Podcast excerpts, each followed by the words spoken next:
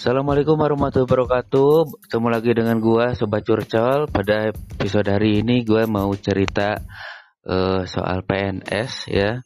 Di sini PNS-nya nggak biasa karena dia kemarin baru masuk PNS itu lewat jalur disabilitas atau difabel. Nah, kita pengen tahu dong bagaimana uh, kisahnya. Tetap stay tune terus bareng gua Haris di Sobat Curcol. Oke, uh, teman-teman Sobat Curcol, di mana pun Anda berada, terima kasih masih setia di channel Sobat Curcol. Pada hari ini gue uh, gak sendirian, gue sekarang lagi bareng Sobat Adi namanya ya. Dia tuh PNS difabel, dia kerja di lembaga pusat. Cuman gak tahu dia mau ngomongin juga atau enggak gitu ya tentang uh, dia kerja di mana tanpa kita nunggu waktu lebih lama lagi, yuk kita sambut uh, sobat Adi yang sekarang. Halo Di, gimana kabarnya Di? Halo Bro Haris, eh gua panggilnya Bro nggak apa-apa ya? Oh nggak apa-apa Bro. Oke, gimana kabarnya? Alhamdulillah kalau uh, aku sehat. Alhamdulillah ya. Lu sekarang uh, katanya kerja di ini ya di lembaga pusat ya. Gue pengen tahu dong, uh, mungkin sobat curcol pun pengen tahu seperti apa sih gue pengen tahu uh, diri lu dulu deh. Bisa kenalin dulu deh silakan. Oke okay, uh, pertama berasa terima kasih banget nih udah diundang diundang ke podcastnya sobat curcol. Punyanya Bro Haris. Uh, kenalin uh, gua Adi. Uh, biasa dipanggil Adi sih. Mm -hmm. uh, di sini gua kerja di eh, lembaga pusat di lembaga pemerintah non kementerian salah satu lembaga pemerintah pusat cuman tidak di Jakarta yaitu di hmm. Bogor. Hmm. Nah awal cerita jadi PNS atau mungkin bisa eh, aku jelasin dulu kali ya. Aku jelasin dulu tentang gimana eh, background latar belakang diriku. Uh, jadi gini bro, Aku ini seorang difabel, difabel tuna daksa yang memiliki kekurangan secara fisik. Hmm. Kalau kaki sama tangan sih sebenarnya semua lengkap. Hmm. Cuman gua ini jalannya eh gimana ya agak diseret sedikit mm -hmm. agak diseret sedikit mungkin kalau eh, sobat curcol pada tahu yang namanya cerebral palsy spastik atau kelumpuhan otak kelumpuhan mm otak yang terjadi karena eh, prematur kebetulan mm eh, aku ini lahir 8 bulan, 8 bulan, 8 bulan ya mungkin lebih satu mingguan lah. Dan kondisinya itu sangat inilah kecil waktu itu 1,7 kilo. Hmm. Oh kecil waktu. banget ya, berarti ya. benar-benar prematur banget gitu waktu itu ya. Hmm, benar-benar. Hmm. Waktu itu orang tuaku uh, bilang bahwa aku ini 1,7 kilo itu uh, segede botol kecap ukuran 3 liter lah 3 liter dan kondisinya waktu itu bayi biru yang ya bisa dikatakan mungkin antara hidup atau enggak 50-50 gitu. Hmm. Hmm, luar biasa ya waktu itu ya. Berarti itu segede gitu ya uh, sebenarnya penyakit ini masuknya itu penyakit atau seperti apa sih di? Kalau kata dokter, kebetulan kan uh, kalau saya itu dulu uh, apa namanya uh, ini terapi, terapi, terapiku dulu itu sekitar kurang lebih lima tahun. Dan kata dokter ini tuh bukan penyakit, tapi memang ini tuh bawaan, bawaan ibaratnya mungkin kalau dibilang mungkin takdir ya, takdir dari yang di atas dari Tuhan.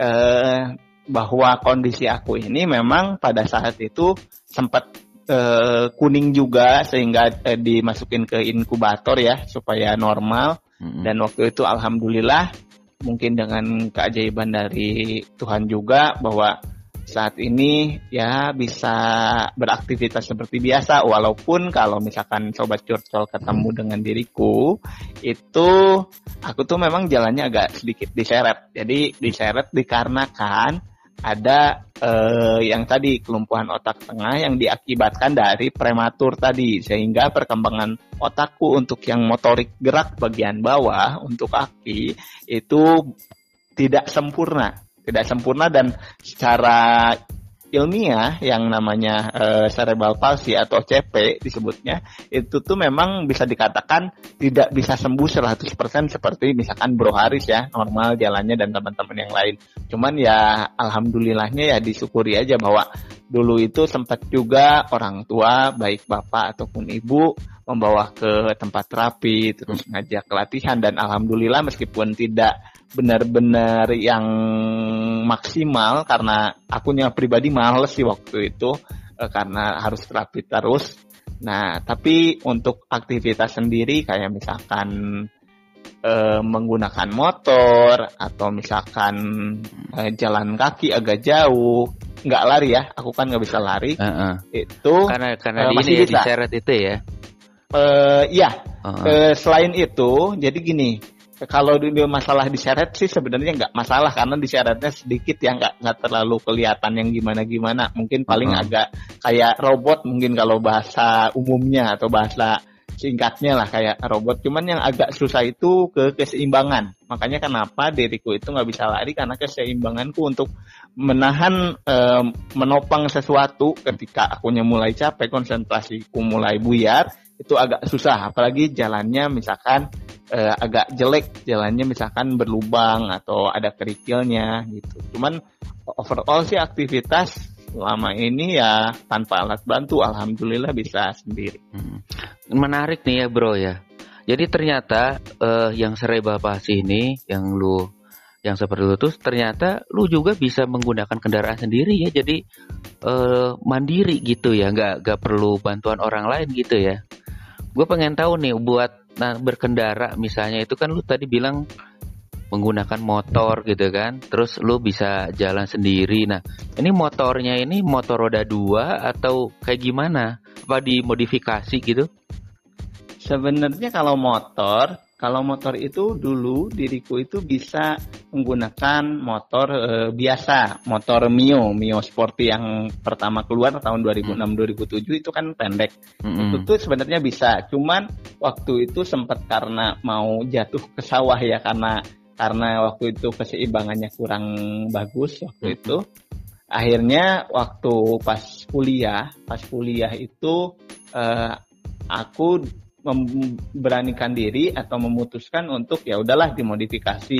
Jadi motorku itu apa ya kalau bahasa gaulnya mungkin motor trik motor trike itu hmm. eh, motor trike lah yang hmm. rodanya tiga oh. itu di belakang dimodifikasi cuman memang yang modifikasinya cuman buat nambah roda aja jadi nambah roda kanan kiri dikasih besi buat rodanya ya udah tanpa ada bantu eh, tanpa ada eh, alat modif tambahan lainnya kayak misalkan uh, apa personeling buat gigi karena kebetulan metik dan juga buat kursi roda atau alat-alat bantu nggak ada karena kan aku kan memang mandiri waktu itu. Jadi untuk motor memang motor yang modifikasi untuk saat ini cuman dulu memang menggunakan motor roda dua juga pernah. Hmm, jadi kema dulu itu kenapa lu bikin jadi modifikasi karena memang salah satunya itu karena keseimbangan itu ya lah ya jadi kalau misalnya roda dua itu kan harus seimbang tuh karena memang itu berpengaruh juga dengan uh, daya motorik lu, makanya lu bikin jadi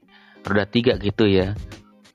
Iya, bisa uh, dikatakan uh, uh. seperti itu. Kalau selain itu, misalnya lu bisa gak sih pakai mobil gitu, lu bisa nginjek gas gitu? Kalau mobil kebetulan sebenarnya bisa, cuman waktu itu nggak dilatih lagi karena ya lebih enak pakai motor mungkin karena udah terbiasa. Cuman mobil bisanya yang matic yang otomatis yang bukan yang gigi-gigi. Mm-hmm. kayak gitu. Terus kalau misalkan lanjut dari sana lanjut dari perkenalanku ya selama ini untuk sekolah juga alhamdulillah eh, sekolah dari orang tua pun memberikan kepercayaan dan orang tua juga yakin bahwa aku bisa dan mereka menyekolahkanku di sekolah biasa sekolah Eh, sekolah umum lah. ya. Uh, sekolah umum betul. Hmm. dari SD SMP SMA sampai kuliah. Dan alhamdulillahnya sekarang uh, masuk ke pekerjaan. Jadi aku ini jadi ASN khususnya jabatan Pranata Humas Ahli pertama di salah satu lembaga pemerintah non kementerian ini udah hampir tiga tahun. Tiga hmm. tahun kurang lebih. Jadi dulu sebelum masuk ke ASN ini aku ini sempat kerja juga sebagai HRD di okay. salah satu uh, itu di salah satu perusahaan retail di perusahaan okay. sorry, retail so, sorry Paul. Gua potong dulu ya. Gue hmm. menarik nih ya. Kenapa lu uh, sama orang tua tuh dimasukin ke sekolah yang umum gitu. Kenapa nggak dimasukin ke sekolah luar biasa? Gue pengen tahu nih biar nanti sobat curkel juga tahu kenapa lu masuk ke sekolah umum itu dan gimana lu bisa beradaptasi dengan orang-orang yang memang dia itu normal gitu sedangkan lu itu eh, ada keistimewaan dibanding yang lain? Sebenarnya gini kalau balik lagi sih kalau menurut aku pribadi ya eh, walaupun sampai saat ini aku belum menjadi orang tua yang namanya orang tua memiliki anak eh, yang istimewa atau yang difabel lah dikatakan seperti itu. Kalau menurutku tinggal gimana sih mindset dari orang tuanya itu. Kebetulan eh, ibuku kan seorang guru dan ayahku itu seorang ahli bangunan lah, konsultan bangunan gedung.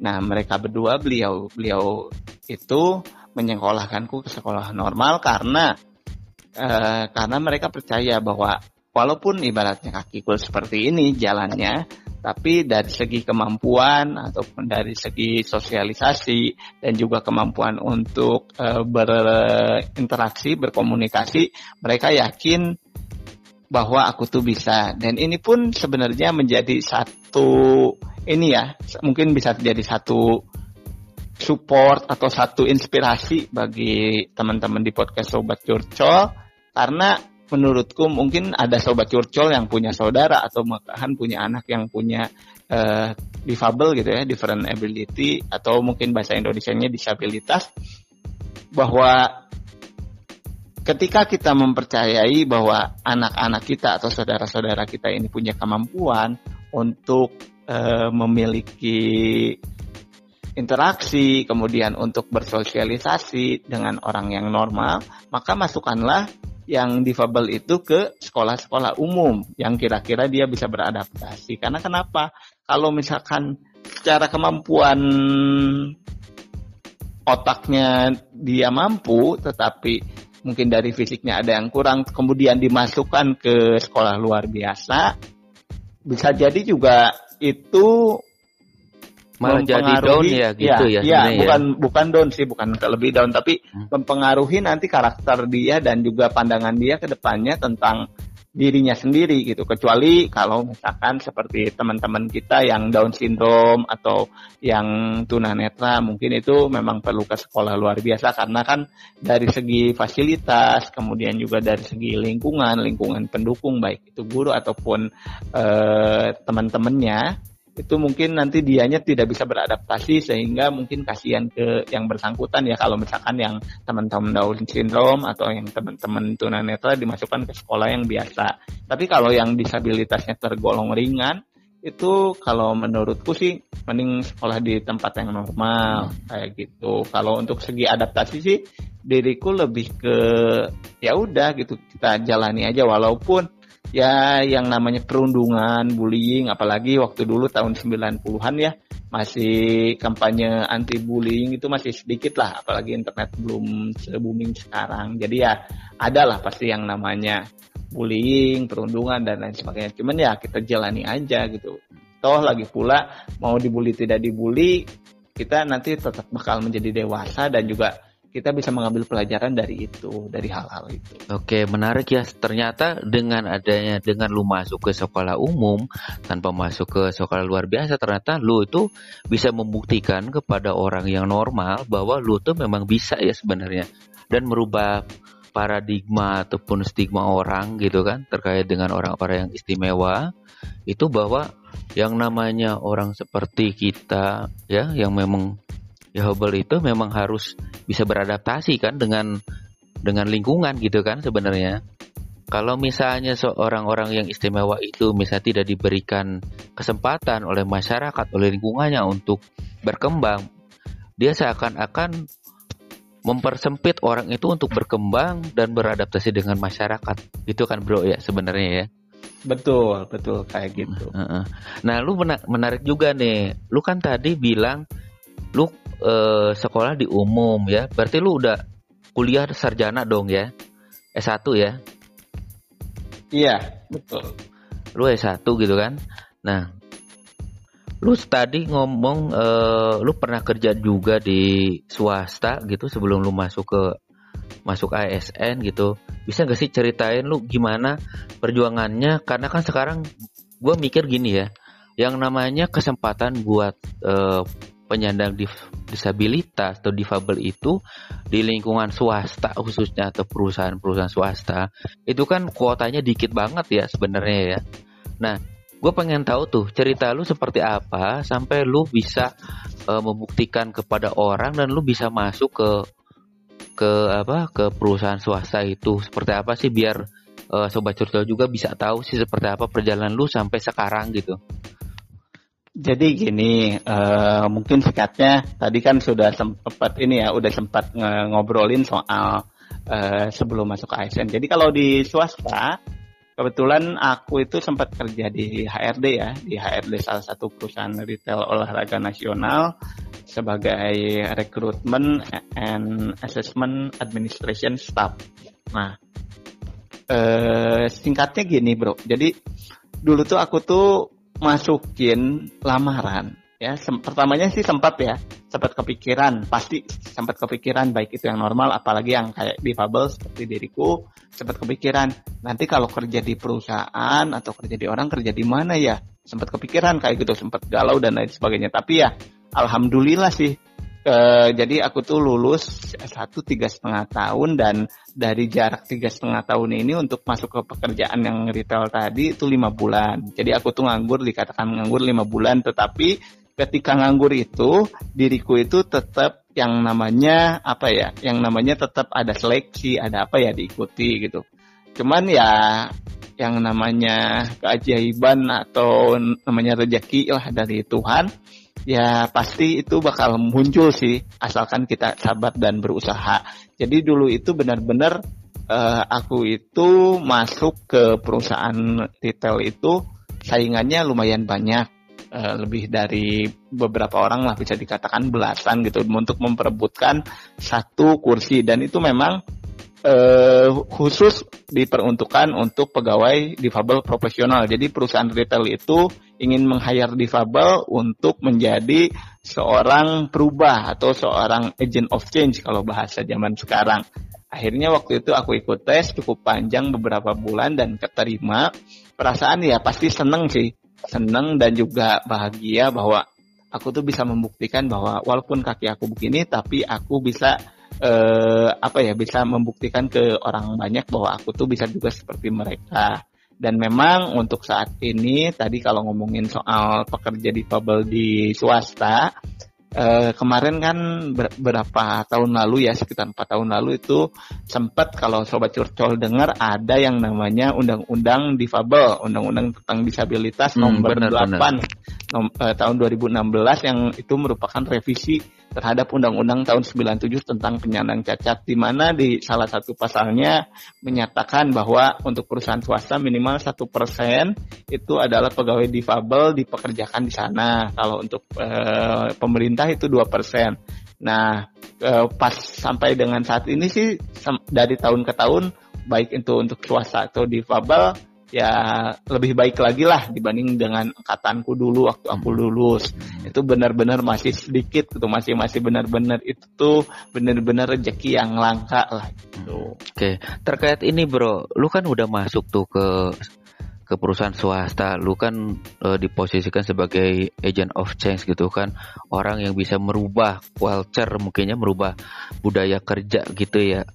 Nah, uh, lu seperti apa sih uh, adaptasi lu di perusahaan swasta itu gitu? Atau peran lu di sana itu pain aja gitu? Kenapa sih perusahaan itu ngerekrut lu sebagai seorang tenaga profesional yang memang dikhususkan untuk difabel?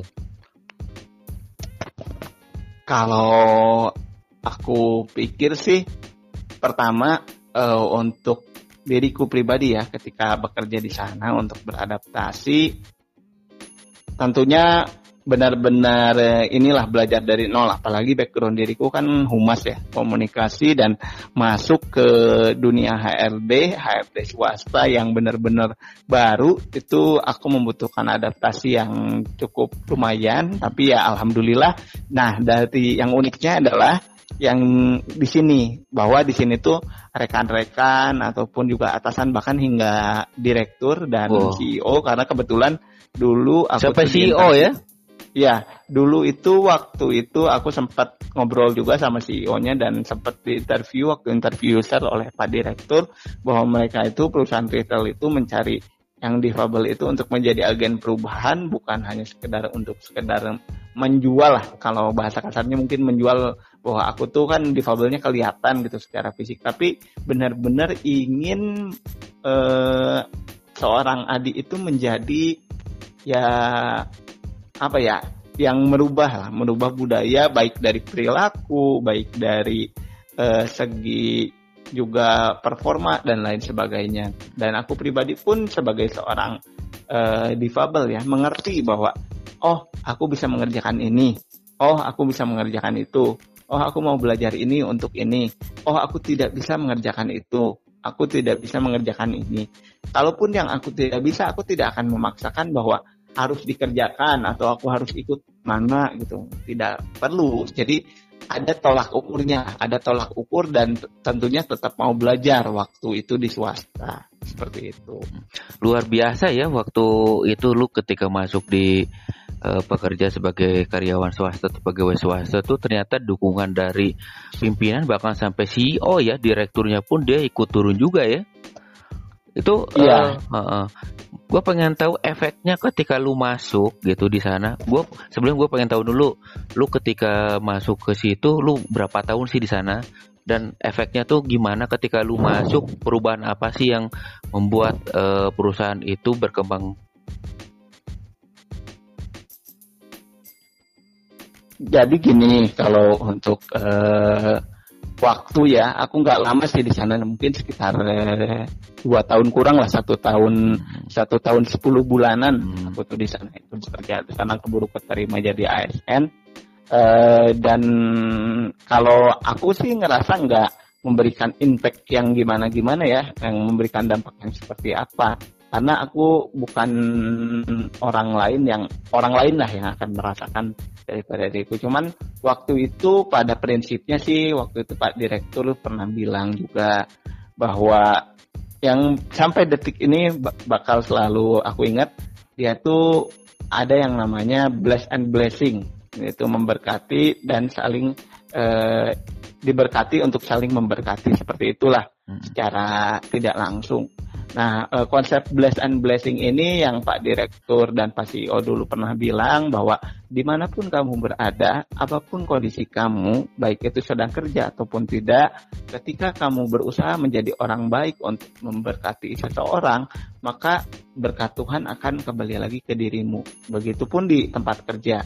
Kalaupun dirimu merasa lelah ataupun merasa capek, merasa gaji sedikit, itu pasti ada wajar. Cuman yang harus ditanamkan adalah kamu ini bekerja bukan hanya untuk dirimu atau keluarga, tetapi kamu bekerja apabila dengan ikhlas dan tulus, maka efek dari kerjaan itu atau dampak dari pekerjaan itu akan menjadi suatu pahala lah, suatu kebaikan yang bisa juga berdampak kepada orang lain. Begitupun terhadap etos kerja dirimu. Semakin banyak kamu bekerja dan semakin banyak kamu mendalami ilmu yang ada di pekerjaan tersebut, maka ilmu tersebut justru akan kembali kepada dirimu dan bakal jadi kayak apa ya kayak investasi ilmu kita lah ilmu kita yang nggak ada di kuliahan gitu sih bro. Hmm. Menarik ya ternyata uh, ada satu perusahaan yang memang uh, memberikan yang namanya uh, dukungan luar biasa gitu kan seperti pada lu seperti itu mudah-mudahan beberapa perusahaan yang lain yang sobat-sobat curcol di mana berada mungkin ya bisa sama begitu dukungannya kepada eh, orang-orang uh, yang memang punya uh, keistimewaan tertentu gitu ya lanjut bro lu kan udah sua, masuk ke di swasta nih terus lu keterima jadi ASN. Lu ceritanya gimana? Kenapa lu pindah dari uh, perusahaan yang swasta yang memang benar-benar ngedukung lu ibaratkan 100% bahwa lu harus berkembang terus lu geser ke birokrasi gimana sih ceritanya bro? Jadi singkatnya gini, aku daftar ke PNS tahun ya sekitar 3-4 tahun lalu lah ke belakang itu sebenarnya basicnya cuma nyobain aja, cuma coba-coba. coba, Karena coba. kenapa? Karena gini bro, karena aku ngelihat bahwa kenapa sih orang tuh banyak yang pengen jadi PNS gitu. Walaupun aku tahu karena ibuku juga seorang PNS gitu ya. Tapi aku tuh ngerasa kok banyak bener sih yang tiap ada pembukaan dari kementerian A, kementerian B, banyak bener yang mau jadi PNS. Akhirnya aku penasaran ah gimana tuh rasanya jadi PNS mulai dari ngerjain soal-soalnya penasaran ah ikutan. Mau keterima ya alhamdulillah nggak juga nggak apa-apa. Alhamdulillah juga gitu gitu. Ya jadi pertamanya nyobain sih sekedar cuman ya mencoba gitu mencoba pengen tahu gitu kenapa orang itu masuk jadi PNS dan seberapa sulit soalnya gitu. Terus lu terima lah gitu ya iya dan dengan banyak yang tidak terduga lah. Ada mulai dari sebenarnya aku aku tuh dulu nggak belajar sih. Bisa dibilang nggak terlalu belajar yang gimana gimana menghadapi CAP ada yang namanya TKB kan TKB dan hmm. TKD dan Skotex dan lain-lain itu tuh nggak terlalu belajar. Belajar sih belajar. Cuma ya paling hmm. ya segitulah. Nggak nggak yang serius-serius amat gitu. Kan Bu, ada ya bro kalau yang PNS itu bahkan sekarang ada les juga. Les menghadapi SKB SKD kalau nggak salah. Mm -mm, benar-benar gitu. jadi lu waktu masuk PNS itu lu benar-benar coba-coba ya. Bukan lu siapin kayak orang-orang. Misalnya ketika menghadapi yang namanya uh, tes kemampuan dasar yang TKD itu kan itu 2 sampai 3 tahun ke belakang benar-benar populer yang namanya CPNS ya. Lu dengan mudahnya gitu lu bilang uh, seperti itu ya, sedangkan orang lain benar-benar dia berjuang dan banyak banget yang gak lulus ya, Bro. Oke. Nggak juga sih, tapi lebih ke ini sih, Bro. Lebih ke gini lebih ke apa ya mungkin ada campur tangan Tuhan juga ya mm-hmm, sehingga benar. aku benar-benar sekarang ada masuk di PNS di ASN eh, dulu tuh sebenarnya kalau ya setiap kerja ada plus minusnya lah ya. Di swasta pun yang tempatku dulu ada minusnya ada plusnya dan sekarang pun sama di PNS pun ada plus minusnya. Jadi ya dinikmati aja lah sebagai pengalaman juga dan pelajaran. Oke, sekarang lu kan udah geser nih jadi ASN nih udah hampir empat tahun ya tiga atau empat tahun ke sekarang gitu. Gimana perasaan lu dari geser dari uh, swasta geser ke birokrasi bro dan dengan kondisi lu sekarang sebenarnya kalau sekarang sekarang biasa aja ya mengikuti inilah mengikuti alurnya seperti apa kemudian di sini seperti apa. Kalau misalkan ada yang bisa aku rubah ya aku rubah. Kalau misalkan aku bisa berkontribusi ya berkontribusi.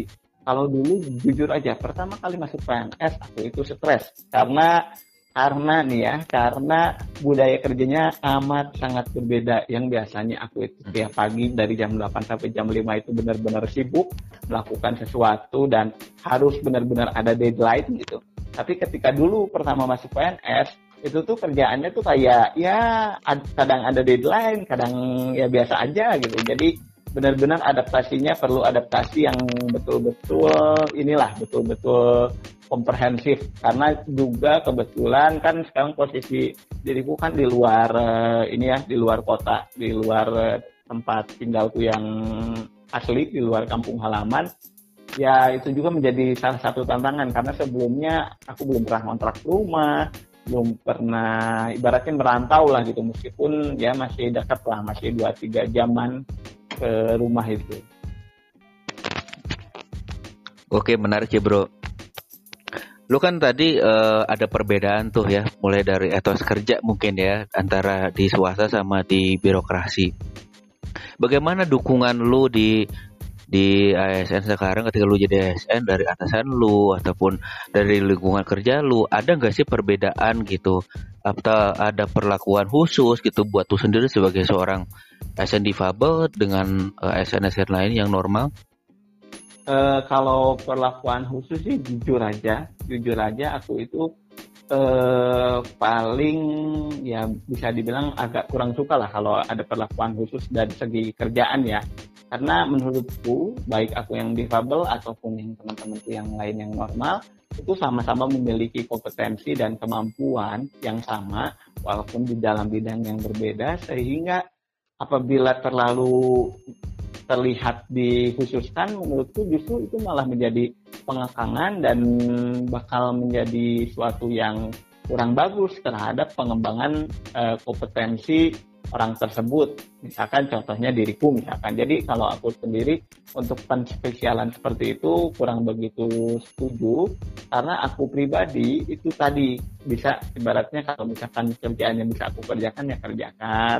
Kalau enggak ya enggak. Ibaratnya contoh kalau misalkan ada dinas ke mana kalau misalkan aku tidak bisa ya tidak akan memaksa meminta ikut gitu. Kalau misalkan ada yang bisa ya aku ikut seperti itu. Jadi ada satu harapan sih selama ini kebanyakan pemimpin birokrasi walaupun tidak semua masih menstigma seorang disabilitas itu walaupun disabilitas itu sebenarnya secara etos kerja secara kompetensi teori dan lain-lain itu dia punya pengalaman.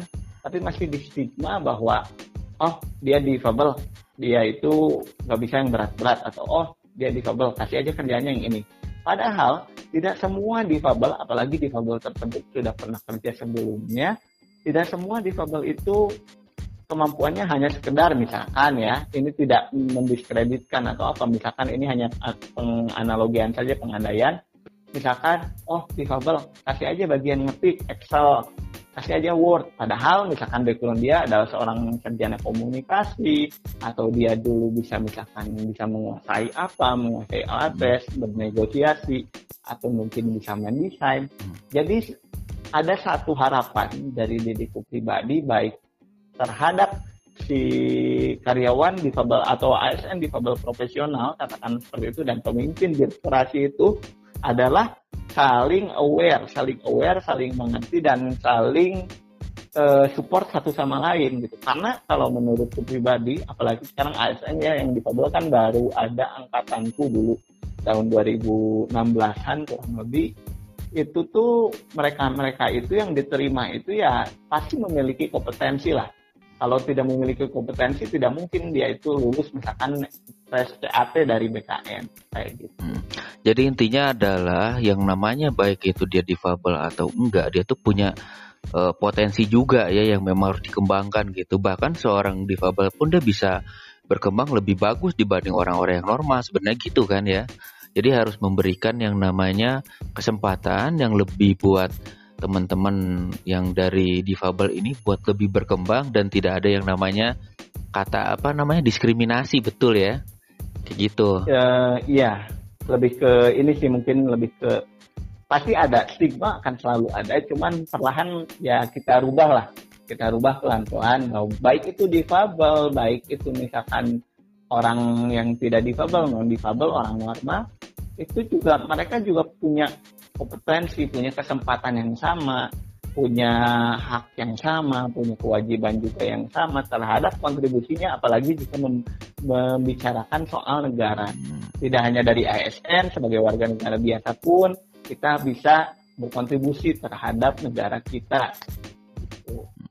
Jadi banyak banget ya caranya kita bisa berkontribusi tidak hanya sebenarnya tidak hanya lewat ASN juga ya sebenarnya. Ketika lu kerja secara profesional sesuai dengan kemampuan lu itu sebenarnya udah bela negara bro. Kalau gua ikutin ya dulu gua pernah ikutan bela negara tuh waktu SMA gitu. Gua dikasih materi tentang bagaimana lu bisa bela negara tanpa harus lu harus masuk jadi aparatur negara gitu. Lu nggak perlu masuk TNI, Polri ataupun PNS kalau lu mau jadi bela kalau mau ikut apa partisipasi bela negara tapi lu kalau lu bisa memastikan diri lu bermanfaat buat orang lain bahkan lu bisa uh, memberikan potensi lu kepada masyarakat itu bentuk bela negara juga kan bro?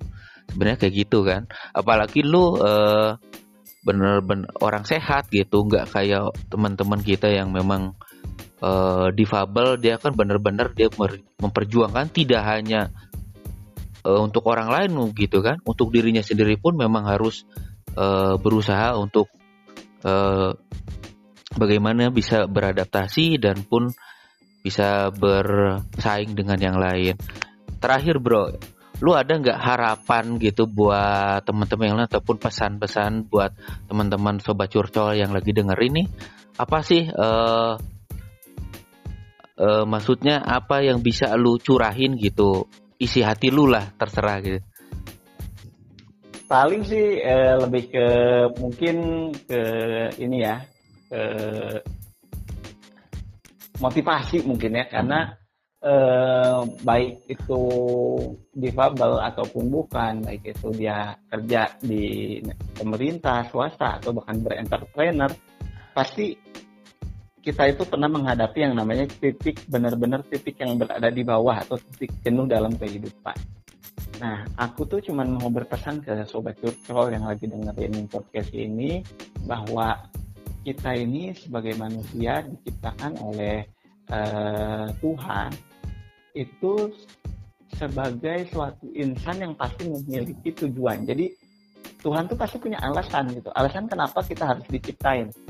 Walaupun misalkan dari sobat curcol ada yang ngerasa loh kok Tuhan tuh gini banget sih sama gua gitu atau ini banget sama uh, hidup gitu atau seperti apa. Tapi yang jelas satu sih kalau kita percaya akan kebaikan Tuhan dan percaya bahwa Tuhan itu selalu memberikan yang terbaik untuk kita apa pun yang terjadi ke depannya mau itu susah mau itu benar-benar lagi terjal ataupun justru lagi ibaratnya tak lagi hidup yang dikatakanlah hidup berkecukupan kita mesti banyak-banyak yang namanya bersyukur dan juga percaya akan rencana Tuhan itu bahwa Tuhan itu baik sama kita gitu. Apa pun yang terjadi, ingat bahwa Tuhan itu menciptakan kita karena suatu alasan yang pasti alasannya itu baik.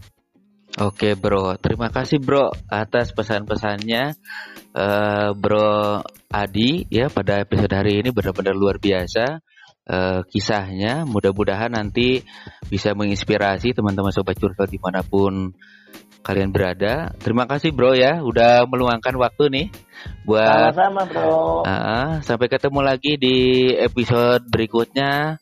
Tetap uh, dengerin uh, channel Sobat Curcol ya. Gua tutup Haris. Salam Curcol.